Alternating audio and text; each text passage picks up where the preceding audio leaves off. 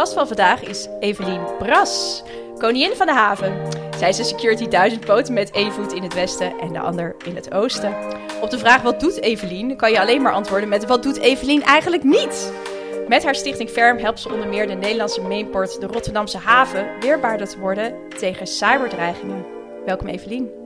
Hi. Hi, nou Welkom. fijn. Ja. het, is, eh, het is bijna jammer dat eh, we geen video-opnames maken hier zo, want we zitten hier op zo'n prachtige plek echt eh, met uitzicht op de Erasmusbrug en op, op, het, op het Rotterdamse.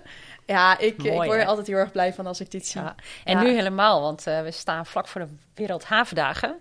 En eh, de hele stad eh, en de haven is zich aan het opmaken voor een heel groot feest. Ja, dat Ja. is elk jaar weer. Hè? Dan Ja, eh, gaat het helemaal los hier zo. Ja. Ja. worden net wel een beetje muziek hier beneden. Dus ik wilde al eigenlijk een dansje gaan doen. Maar eh, een mooie achtergrond voor deze podcast. Ja, ja, de- ja, we vragen zo wel even of ze nog de playlist willen delen. Dan kunnen we die ook weer op LinkedIn zetten. Dat komt helemaal goed. Nou, ik vind het echt heel fijn dat ik hier bij jou te gast mag zijn. We hebben natuurlijk de doorgeefvraag. Daar beginnen we eigenlijk altijd mee. Vorige week hadden we Nienke in de podcast en die stelde de volgende vraag. Daar gaan we even naar luisteren.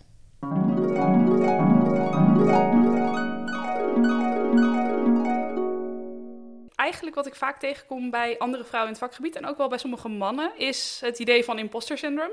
Dus ehm, wat doe ik hier? Ik ben hier helemaal niet goed genoeg voor eigenlijk.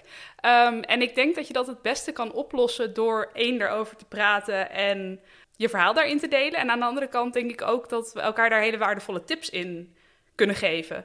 Dus eh, ik ben heel benieuwd of voor de volgende Cyberlady of ze dat ooit heeft meegemaakt. En zo ja, wat zij zou eh, adviseren aan mensen die daarmee te maken krijgen.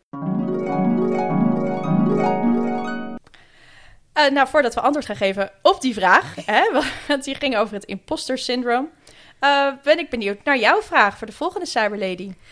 Voor de volgende Cyberlady heb ik een vraag over de vaardigheden, de skills.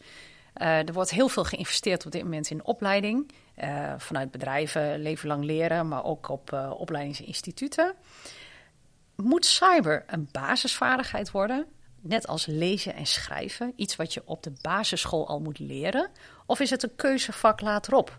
En tot welk niveau zouden we moeten gaan? Zouden we bijvoorbeeld moeten gaan tot aan een rijbewijs? Dat eh, wil je deel uitmaken van het eh, internet. Dat je een soort internetbewijs hebt waarin je in ieder geval aangetoond hebt dat je dat veilig en verantwoord kunt. Ik ben heel benieuwd hoe de volgende Cyberlady daarnaar kijkt. Wat een mooie vraag, Evelien. en dan ben ik wel heel benieuwd eigenlijk hoe jij daar dan naar kijkt. Hebben we straks Oh. zo'n internetbewijs nodig?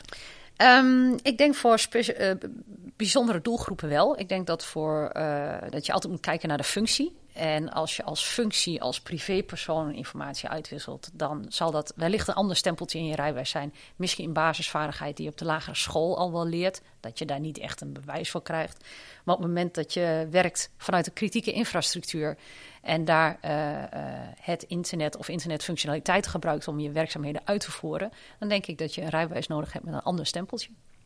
Ja, wat een goed antwoord. Dankjewel.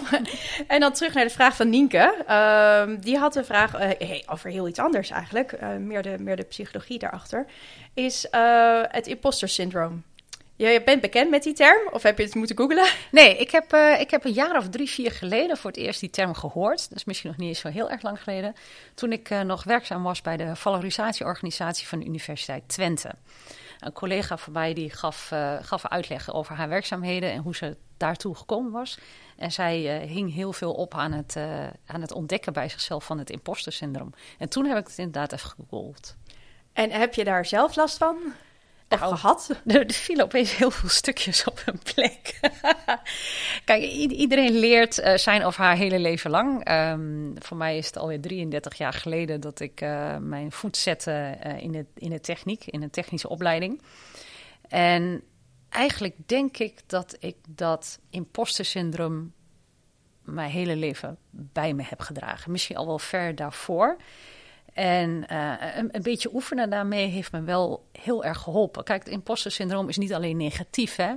Voordat ik het eh, had geïdentificeerd, heeft het me natuurlijk ook al gedreven om de dossiers extreem goed voor elkaar te hebben voordat je ermee naar buiten trad. Ehm, ik heb natuurlijk ook in een blauwe organisatie gewerkt, een defensieorganisatie. Daar moet je heel goed je dossiers in orde hebben. Uh, daar moet je redelijk perfectionistisch zijn voordat je stappen zet. Het is een hele veilige organisatie. En ik denk dat het imposter syndroom bij mij wel heel erg geholpen heeft. Aan de andere kant, het ontdekken daarvan en ook het realiseren dat, uh, dat je gewoon goed bent in wat je doet, heeft mij ook geholpen om de keuze te maken waar ben ik dan goed in en wat hoef ik dan ook weer niet te doen. Uh, voor uh, zeg maar, uh, het ontdekken en het werken aan mezelf naar aanleiding van dit syndroom. Wou ik eigenlijk alles in mijn vakgebied wel goed weten en goed kunnen doen. Nou, dat was onmogelijk. En nu weet ik veel beter waar ik wel goed in ben en waar niet. En wat zou je willen zeggen tegen de dames die er nu last van hebben? Um, spiegel jezelf ook eens aan jezelf en niet altijd aan anderen. En uh, leg de lat niet zo verschrikkelijk hoog. nou, dat lijkt me een heel goed Want, advies. Ja, zeker als je ook met je zwakheden naar buiten komt, geeft anderen ook weer ruimte om daarin aan te vullen. En dat geeft ook wel weer een hele mooie basis voor samenwerken. Ja, zijn wij daar als vrouwen beter in dan mannen om onze zwakheden te tonen? Ze zeggen van wel, maar dat is niet altijd mijn eigen ervaring. Nou, daar gaan we het zo nog even over hebben. Over de verschillen en de overeenkomsten misschien tussen mannen en vrouwen. Uh, wat ik uh, heel leuk vond, jij, jij, kwam bij mij op de lijn en jij zei, uh, Lucinda, je hebt natuurlijk best wel wat jongere security dames ook al in de podcast gehad. En daar ging het vaak ook over de verhoudingen man-vrouw. Het is toch zo'n mannengedomineerd werkveld en we hebben maar een beetje last van die mannen en die vallen ons maar lastig. En jij had toch een hele andere ervaringen eigenlijk ook. En je zei, ik wil eigenlijk met jou terug, Lucinda, terug in de tijd. En hoe ver precies gaan wij terug in de tijd, Evelien? Als het aan mij ligt, gaan we in ieder geval zo'n uh, 33 jaar terug in de tijd. Uh, dat was het moment waarop ik voor het eerst uh, mijn voet zette in een technische opleiding. En dat is, even denken, toen was ik zeven. Ja, ik, ik, toen 16, dacht ik nog helemaal 16. niet na. Toen was jij 16. ja. En wat ging er door een 16-jarige Evelien heen dat zij voet zette in een technische opleiding? Um, waarom ik voor die opleiding heb gekozen? Ja. Uh, nou, ik wilde eigenlijk eerst iets heel anders doen. Ik wilde architect worden. Uh, en ik had een hele mooie opleiding uh, gevonden in Den Haag. En ik ben naar mijn ouders gegaan. Ik zeg, ik wil architect worden. Ik wil naar Den Haag. Ik wil op kamers. ik kom van de boerderij. van een klein gehucht, Holthemen, aan de spoorlijn Zwolle-Emmen. En ik weet met nog dat mijn vader zei van... Nou, Evelien, je bent 16 jaar. Je kunt best aardig leren, maar je gaat nog niet op kamers. Die woont aan de spoorlijn Zwolle-M. Je kunt kiezen of uit Zwolle of uit Emmen. Ondertiteling is, we wonen aan de spoorlijn Zwolle-Emmen. Eén van die twee plaatsen kun je kiezen en uh, that's it. Dus uh, geen... Uh, geen Den Haag. Geen, geen, Den Haag, geen architect. En toen heb ik eigenlijk de leukste opleiding gekozen in een van die twee plaatsen. En dat was technische informatica. Dat is toch wel heel iets anders. Ja, toch wel iets heel... Maar toch ook wel creëren. Uh, iets, iets maken vooral, iets moois maken, iets, iets ja. Dus er zit ook wel veel overeenkomst En was dat toen in Zwolle of in Emmen? In Emmen. In Emmen, ja. Ja, ja want daar zat technische informatica en in Zwolle zat uh, de informatica, de HIO. En uh, met name het maken, dat sprak me wel aan. Ja, en, en dat, dat deed jij dan vier jaar lang, fluitend. Was je een van de dames uh, of ja, een van ja. de heren? Nou, het is grappig dat je dat zegt. In het begin uh, viel het me verschil, uh, viel, viel me niet eens zo heel erg op. we zijn volgens mij begonnen met zo'n 90 studenten in die, in die lichting. Waarvan vier dames. En na een half jaar was ik de enige. Er waren de drie dames afgevallen. En voor het eerst viel het me pas op dat, dat, er bijzonder naar werd gekeken nadat we naar het tweede jaar gingen. Je had toen ook nog klassen. En ik zat in de A-klas met uh, nou ja, een, een dertigtal medestudenten en ik ging naar de B-klas als enige. En dat vond ik heel bijzonder. en toen vroeg ik waarom. En toen zei de decaan, die zei... Ja, we vonden nou dat een andere klas recht had op het meisje. Oh. En wat bedoelde hij daarmee? Nou, dat hij bedoelde dat uh, een, een, een, een, meisje in een uh, omgeving toch een andere dynamiek gaf. En dat hij het uh, niet eerlijk vond voor al die jongens, dat die alleen maar met jongens in de klas zaten. En, en, wat bracht jij dan precies mee dat die klas daar recht op zou hebben? Nou ja, sowieso dat iemand recht heeft op het meisje vind ik heel bijzonder. Dat is toch een hele rare... Ja, en, en, ook niet, en ook geen rekening gehouden met wat, dat, wat ik, jij wilde? dat ik het misschien wel fijn zou vinden om met dezelfde, ja. met dezelfde student in hetzelfde jaar verder te gaan.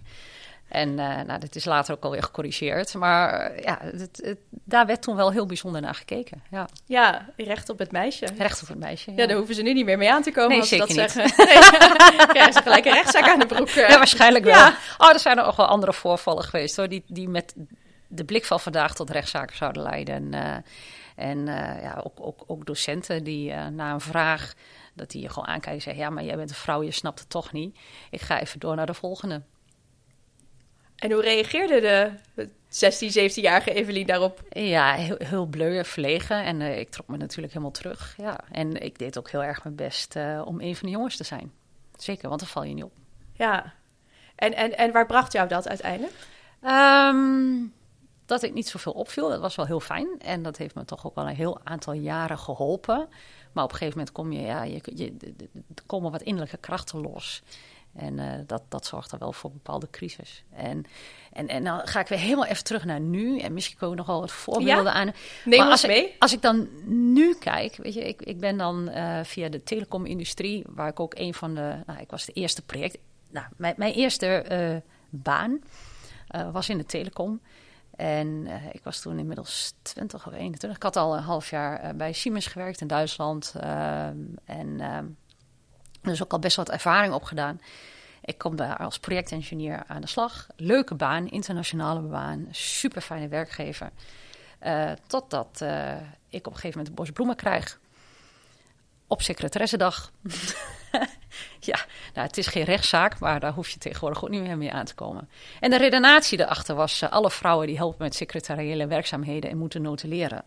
Dus alle vrouwen in dit bedrijf die krijgen bloemen op secretaressendag. En, en wat zei je daar toen op? Um, nou, toen was ik inmiddels heel iets mondiger geworden. Ja.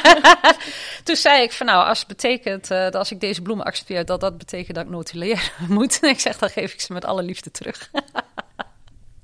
Heel goed. Ja, en dat, uh, nou, ze zijn toen in de kantine terechtgekomen voor iedereen die wel eens bijspringt. En dat was meteen het laatste jaar dat ik bloemen heb gekregen op secretaressendag. Ja, ja. en, en werd, werd, daar dan niet heel erg flauw op gereageerd? Dat dan uh, iemand uh, op zijn pik was getrapt, om maar even zo te zeggen van... nou, Evelien, doe eens niet zo ondankbaar. Ehm, nou, dat gebeurt natuurlijk altijd. en, en dat wordt vaak ook in een grapje.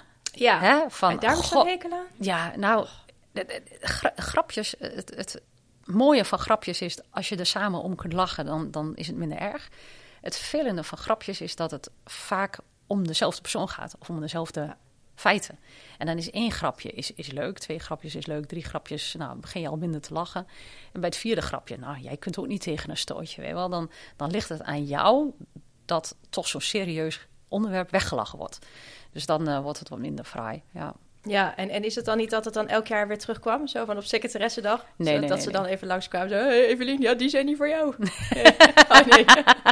Ik zeg, gelukkig. nee, nee, maar dan moet, dan moet, je, moet je één of twee keer ge, uh, gevatte opmerking maken. Ja. weg. Uh, van Ja, je, van, je mag ze houden als je ook gaat notuleren. Hè? Ik zie je wel bij mijn volgende Oh, heel of goed. zo, ja. Ja, En je dan, wordt dan wel is, mondiger, je, hè? wordt, je wordt mondiger, ja. En ik, in, in de loop van de jaren ben ik ook steeds meer mezelf geworden. Waar ik echt in het begin uh, mij altijd wel heb geprobeerd uh, voor te doen als een van de jongens. En wat dat betreft is het ook wel anders. Hè? Want ik had het net over één meisje, 90 jongens. Ik was de eerste projectengineer in dat bedrijf. Later, toen ik voor een groter bedrijf ging werken, hadden ze de job families. Ik was ook de eerste vrouw in die job family. En dan had je het over een, groep van 120. Hè? En dus ik ben altijd een van de weinige vrouwen geweest in een hele grote groep met mannen. En uh, dan ga je toch proberen te conformeren aan de mannelijke norm. Als je dan twee vrouwen krijgt, dan wordt er heel erg naar de vrouwen gekeken. Hoe, wat is het verschil tussen die twee? Dus dat wordt heel erg gepolariseerd. Um, en dan blijf je heel bijzonder. Bij drie vrouwen zie je dat twee wat meer naar elkaar toegroeien. Dat er eentje toch een beetje wegvalt. Dus die ene voelt zich nog geïsoleerder. Want het is niet dat je alleen als vrouw bent, maar met drie vrouwen je nog geïsoleerd. En vanaf vier vrouwen in een groep gaat het beter. Of vanaf vijf gaat het echt beter.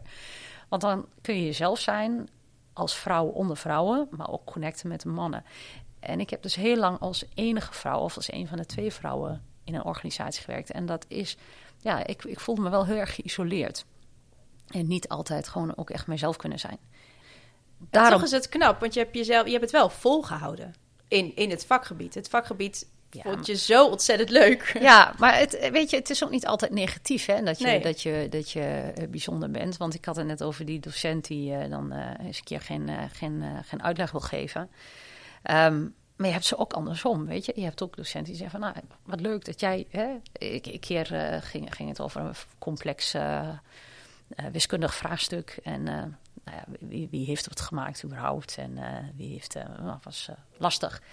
Nou, eens even enquête doen wie het, eh, wie het goed heeft. Nou, iedereen kon zijn antwoord geven. En dan was ik het als, had ik het als enige, enige goed. En dan zie je dat ze een docent... Nou, weet je, er is er maar eentje die het goed heeft. Maar dat is Evelien. En daarom ben ik er extra trots op. Weet je. Het, is, het, heeft, eh, het roept wat extreme op. Maar het is niet alleen maar negatief. Nee, en wat, wat heeft het je gebracht? Dat je als eh, een van de weinige vrouwen altijd in die eh, bedrijven opereerde. Ehm, op een gegeven moment, maar dat was niet in het begin, maar ik denk na, na een jaar of tien, kwamen de kansen voorbij eh, waarbij andere eigenschappen nodig waren. Eh, mannen en vrouwen verschillen. Eh, je, hebt, je hebt ook wel vrouwelijke mannen en mannelijke vrouwen. En er zijn heel veel mengvormen. En, maar stereotyp mannen en vrouwen verschillen gewoon van aard. En op een gegeven moment zag je dat er wat complexere vraagstukken kwamen waar je, je moest integreren. Waar je wat meer vanuit overzicht moest konden handelen. En die vraagstukken die kwamen denk ik eerder voor mij beschikbaar omdat ik ook vrouwelijke eigenschappen heb.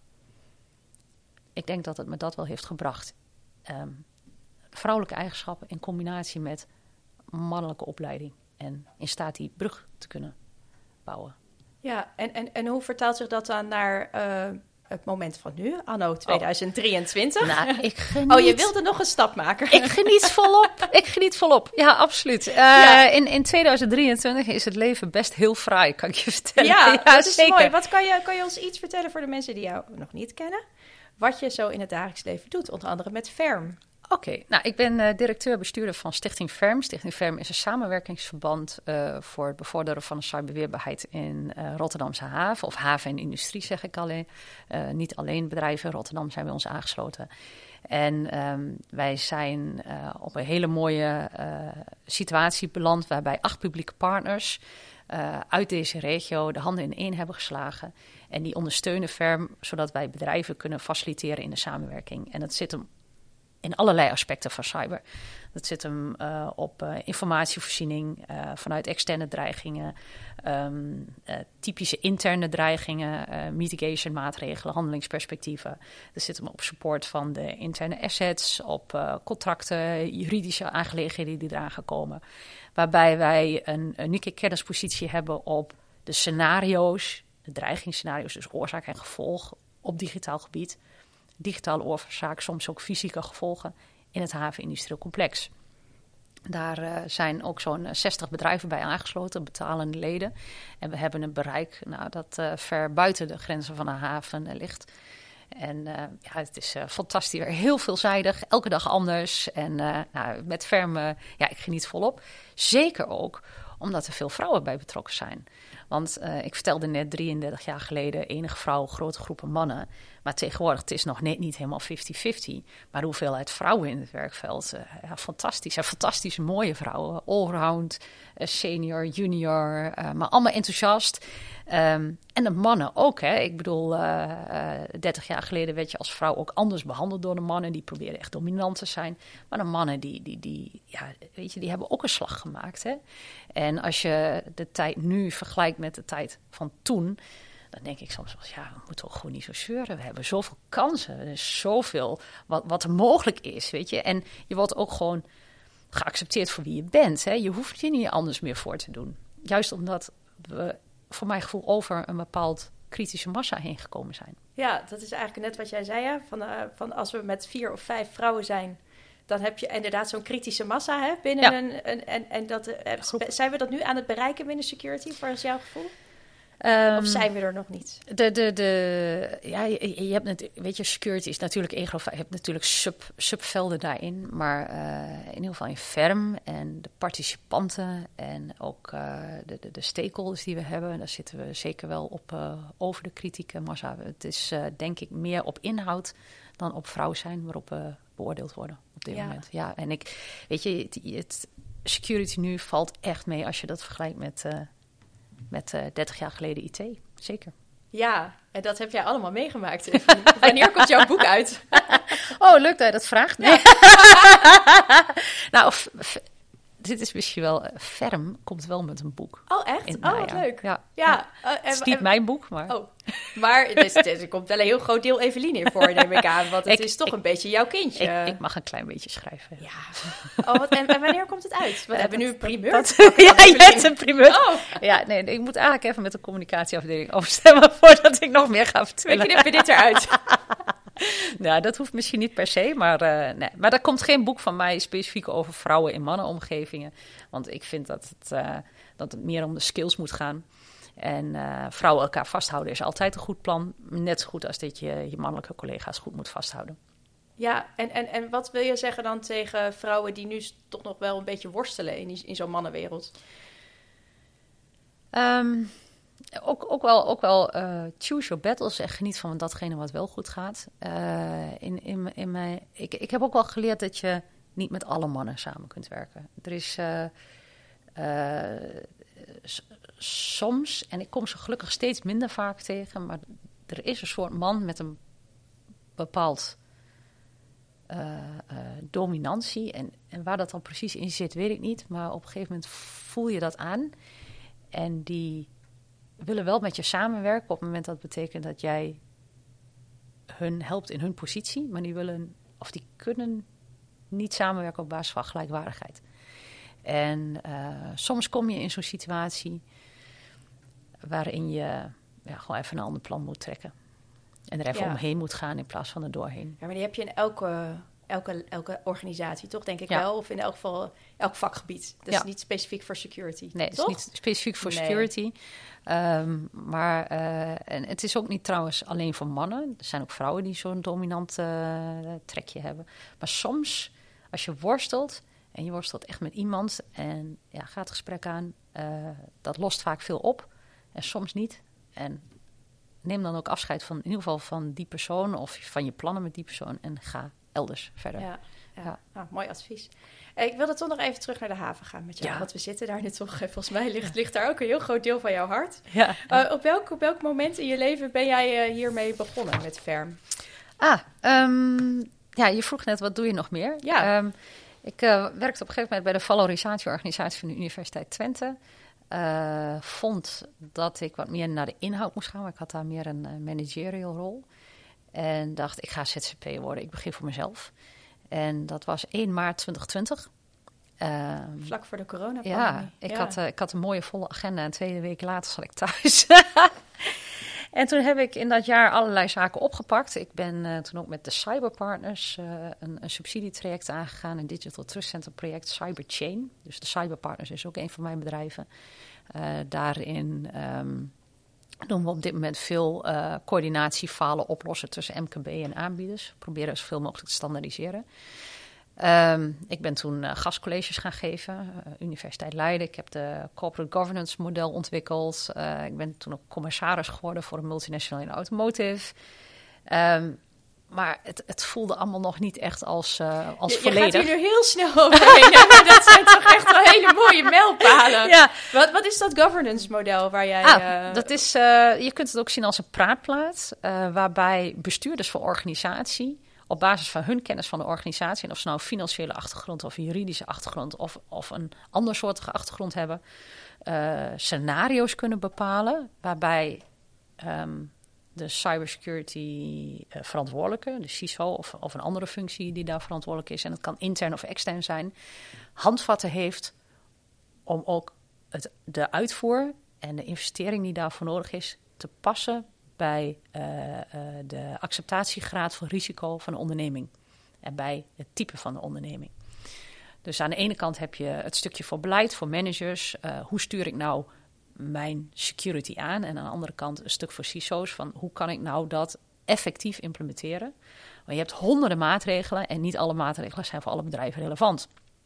Dus hoe pak ik daar nou uit wat voor mij relevant is, zodat mijn investeringsniveau ook past bij wat het eh, bedrijf nodig heeft? Ja. En dat heb jij zelf ontwikkeld. Samen met een aantal, ja, samen, samen, Samen, samen, ja. samen, met een aantal cyberpartners, jazeker. ja, En- maar toen, ehm, eh, in, in coronatijd uh, kwam heel veel verschillende soorten bedrijven in aanraking. Echt op zoek naar waar kan ik waarde toevoegen. En op een gegeven moment dacht ik, ik moet weer naar groot, ik moet weer naar wat meer vergezichten. En richting het einde van het jaar kwam daar het uh, havenbedrijf uh, in de lucht. En die zei, wij hebben een project, FERM, dus dat bestond al als project binnen het havenbedrijf. En we willen daar graag een zelfstandige stichting van oprichten. En we zijn op zoek naar iemand die dat gaat trekken, los gaat trekken en op de kaart gaat zetten. En wij zijn tot elkaar gekomen. En zodoende kwam zodoende. Evelien hier vanuit, wat was het, de lijn Zwolle-Emmen? Ja, het oosten van het Nederland. Het oosten van Nederland, helemaal naar het westen van Nederland. Om hier in de haven te werken. Ja. Ja, dat had de 16-jarige Evelien ook niet kunnen bedenken. Nee, zeker niet. kwam ze toch nog in het westen terecht. Niet, ja. Weliswaar niet in Den Haag, maar wel in het schitterende Rotterdam. Ja, zeker. En, en um, hebben jullie ook uh, oefeningen dan uh, met uh, deelnemers van FERM, security ja. oefeningen? Ja, zeker. Wij hebben toevallig in juni een mooie oefening afgerond. Hebben we samen met het havenbedrijf gedaan. En, en, het mooie van de oefening is zoals wij die hebben, omdat we een hele diverse set van bedrijven hebben. zijn daar mini-ecosystemen in gemaakt, waarbij afhankelijk van de injects die, die je krijgt in de tabletop, uh, op verschillende maturity niveaus je uitgedaagd wordt. Dus de kleinere bedrijven die leren van hun eigen respons. En die kunnen kijken naar hun wat grotere broers. En de grotere organisaties die leren ook hoe de kleinere uh, daarmee handelen. En natuurlijk is de achterliggende gedachte van Ferm is, uh, je bent complementair aan elkaar. En zeker ook als het om incident response is, kun je de community van Ferm, de CISO community van Ferm gebruiken om daar slimmer mee om te gaan. En dat gebeurt ook. Ze, ze weten elkaar ook te vinden. Ze weten elkaar steeds beter te vinden. En het, uh, een van de mooie aspecten van onze cybercrisisoefening is dat we ook de opschaling daarna uh, hebben geoefend naar het havenbedrijf, die met behulp van Cybernautics een eigen crisisoefening hebben en een eigen crisisteam. Wat daarna, op het moment dat je in gripsituaties komt, ook weer op kunt schalen naar de veiligheidsregio. Dus wij oefenen niet zoals bijvoorbeeld met Isidor sectoraal. Dat is gewoon een ander soort oefenen. Wij oefenen uh, door middel van opschaling in de regio. Ja. ja. En, en wat staat er nog uh, in de toekomst gepland? In de sterren geschreven. Ja. nou ja, je, je, bent al 33 jaar volgens mij een ontzettende bezige bij. En, en, en, en, zit er nog heel veel energie in jou die, ja. die, losgelaten kan worden op onze security domein. ik, ik, hoop echt het platform van de cyberpartners los te kunnen gaan trekken. Zodat je ook producten krijgt voor MKB. Zodat ook MKB echt geholpen is op een manier die bij hun past. En vanuit Ferm hoop ik voor veel meer impact dat we ook in de havenvaart kunnen komen. Uh, want uh, nou, er zijn 700 bedrijven hier in het havengebied. Maar voor veel is cyber nog niet echt on top of mind. En dat zou, ja, nee, ik, ik, zou, ik zou zeggen, het zou wel moeten, maar dat is mijn eigen mening. Maar ik zou heel graag de sleutel willen vinden om ze ook daarin mee te nemen. En dat vind ik wel een uitdaging. Ja, dat is het ook. Want het zijn vaak wel ook buitenlandse bedrijven, denk ik hier. Ja, we hebben uh, in het havengebied hebben we natuurlijk ook veel multinationals. Ja. Ja, nou die, die schakelen gelukkig wel goed aan, want die zien ook een belang uh, in, in zeg maar hun lokale vestiging. En ook in de samenhang met de bedrijven hier in de omgeving. maar de MKB B-bedrijven, met name wat kleinere bedrijven, die uh, functies hebben gecombineerd, die zijn nogal lastig uh, te bereiken. Ja. En daar hebben we samen met onze publieke partners regelmatig programma's voor. En stukje bij beetje gaat het wel, maar het gaat wel heel langzaam. Ja, de bewustwording uh, komt wel, zijpelt wel door tot in de haarvaat. En, heeft dan zo'n aanval op Maarsk uit 2017, dan gaan we heel ver weer terug in heeft, heeft dat dan ook nog effect? Het heeft wel effect gehad en uh, het doet goed bij lezingen. Maar ja, het is, het is zoveel jaar geleden. Wat was het? Uh, het was uh, een gevolg van een aanval ja, van, van Rusland, op, ja. ja, ja. Rusland op Oekraïne. 500 dollar losgeld en je kon betalen wat je wou. Er werd nooit wat vrijgegeven. Ja, niet, niet echt optimaal gesegmenteerde netwerken. Qua realiteitsgehalte is het niet meer heel erg Nee. Er is heel veel gebeurd in die uh, ja. zes jaar, nee, ja. zeven jaar ja. dat we nu ja. Gelukkig zijn de bedrijven uh, veel beter beveiligd nu als toen. Ja. Ja, ja. Nou, ik hoor, ik hoor toch wel hele mooie plannen nog, Evelien. Ja, dat zijn ook. ja. En, en we even, even teruggaan naar, naar man-vrouw. Ik denk ook dat voor, voor die plannen dat we van alles nodig hebben. Want uh, cyber die is zich in razend tempo aan het ontwikkelen. Uh, net zoals de financiële wereld honderden jaren heeft gedaan om macht en tegenmacht en structuren te organiseren, en de juridische wereld ook, zitten wij natuurlijk met de digitale wereld in dezelfde ontwikkeling. Uh, en de innovatie gaat op dit moment harder dan de veiligheid. Maar ik denk wel dat dat gelijk getrokken gaat worden. Alleen als je het vergelijkt met die andere stelsels, die wij eigenlijk ook allemaal bedacht hebben als mensen, gaat het wel heel snel. Dus ik denk dat we een hele turbulente tijd tegemoet gaan. Ja, en daar hebben we eigenlijk iedereen bij nodig. En daar hebben we iedereen bij nodig. Ja. ja. En uh, nou ja, deze podcast is er ook met name voor om dames en meisjes te inspireren om uh, ook eens een kijkje te gaan nemen in het cybersecurity werkveld of, uh, of te gaan studeren in die richting. wat zou jij tegen die dames en meisjes willen zeggen? Ja, gewoon doen. En, en um, wees ook niet bang dat je een verkeerde keuze maakt. Want als je richting cyber gaat, dat is zo veelomvattend. Je hebt, je hebt het menselijke aspect, je hebt het technische aspect, je hebt het juridische aspect, je hebt het procesaspect, uh, systeemtechnologie, uh, preventief, correctief, voorbereidend correctief, oefener, uh, communicatie. Als je eenmaal in cyber het overzicht hebt, kun je daarmee eigenlijk naar elk ander werkveld toe wat er maar bestaat. Dus het is ook een hele mooie opstap op een brede oriëntatie in, in het werkzame leven, waar dan ook. Dankjewel Evelien. Graag gedaan.